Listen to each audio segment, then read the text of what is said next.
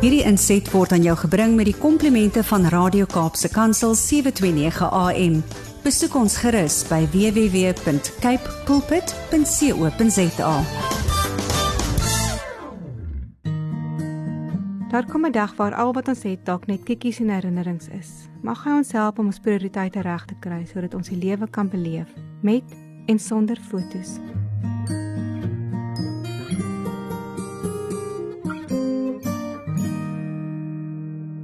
Geskiedenis draaipunt vir Kersfees en vir Paasfees. Winkelsentrums was bedrywig. Mense het op en af gestap.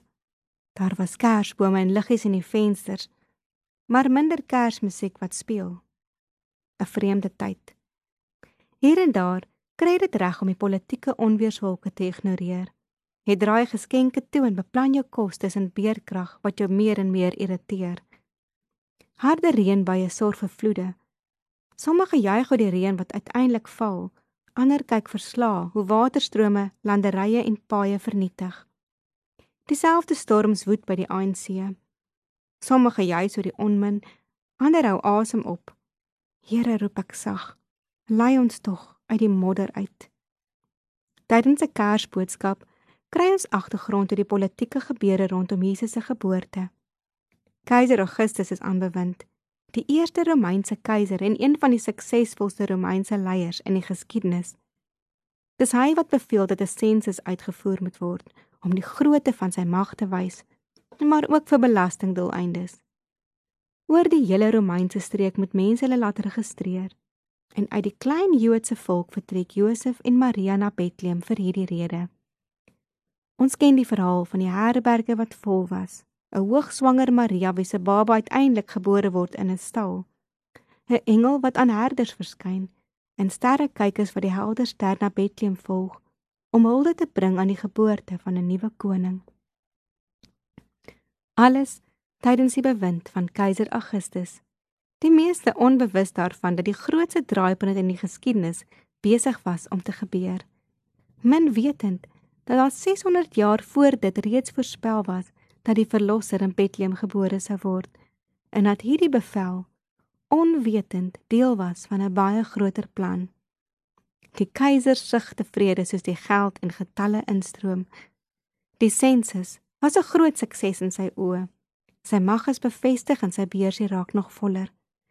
Hy bou en breek verder, steeds onbewus van die mees onwaarskynlike gebeurtenisse in 'n stal in Bethlehem. In ons eie land wonder ek gedurig waarmee God besig is. Op die oppervlakte lyk dinge maar moeilik. Wie is nou eintlik die regte leier vir ons land? Hoe verander jy denkrigtinge en raak jy van korrupsie ontslaa? Daar is baie vrae waarmee mense worstel en almal het ander antwoorde. Jesus se geskiedenis laat my te ander hoek kyk. Ongeag wie aanbewind is, laat God steeds dinge gebeur. Dit was nie soos wat ons dink en verwag nie. Ons sukkel om sy ingrype raak te sien en wil ook maar soos die disippels vra wanneer Jesus dan sy mag gaan wys. Die Romeinse oorheersing was die groot doring in die vlees. Die rede hoekom baie gehoop het dat Jesus hulle daarvan sou verlos.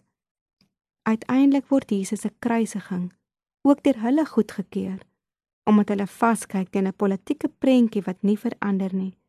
Omdat Jesus nie is wat hulle gehoop het nie. Dit bring my terug na Kersfees in ons eie land en eintlik maar die res van die wêreld en na Paasfees wat ons vier. Te midde van storms in die natuur en storms in die politieke arena sing ons kerk en kersliedjies met 'n verwagting. My vraag aan myself is wat ek van Jesus verwag om die politieke mag te breek, om beerkrag te stop, om die regte leier aan te stel sing ons hosannas met Kersfees, net om Jesus se ruk daarna te wil kruisig, omdat niks verander nie en daar geen hoop is nie. Die geboorte van Jesus in Bethlehem tydens die bewind van keiser Augustus en koning Herodes is meer as net 'n teken vir ons. Te midde van al die onsekerheid rondom ons, is God steeds in beheer. Geen politieke onstabiliteit is vir hom 'n bedreiging nie. Sy plan is baie groter. Die gevaar is dat ons so verstrengel kan raak in die wêreld se probleme dat ons God se grootheid mis. Ons soek hom in ons oplossings en mis hom in die stal. Ons bou ons eie koninkryke en voel trots omdat Jesus omdat ons Jesus in die middel wil sit. Tog sukkel ons om te verstaan dat hy ons deel wil maak van sy koninkryk waar klippe optel nie deel is van sy oplossing nie. Liefde en versoening is nie noodwendig deel van ons planne. Tog is dit wat hy verwag. Kersfees kom, Kersfees kom. Waarin lê ons hoop? In hom wat 'n draaipunt in die geskiedenis kon maak. In hom wat gekom het omdat hy die wêreld liefgehad het. In hom wat lig gee wanneer dit donker is. In hom wat liefde is. Want liefde verdryf vrees. Te midde van beerdkrag, politieke onstabiliteit, vloede en modder rondom ons, is ons toekoms veilig in sy hand. Jesus is gebore in Bethlehem, soos lank reeds voorspel.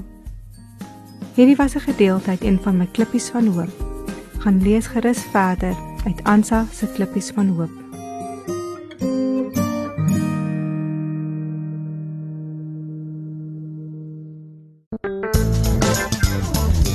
Hierdie inset was aan jou gebring met die komplimente van Radio Kaapse Kansel 729 AM. Besoek ons gerus by www.cape pulpit.co.za.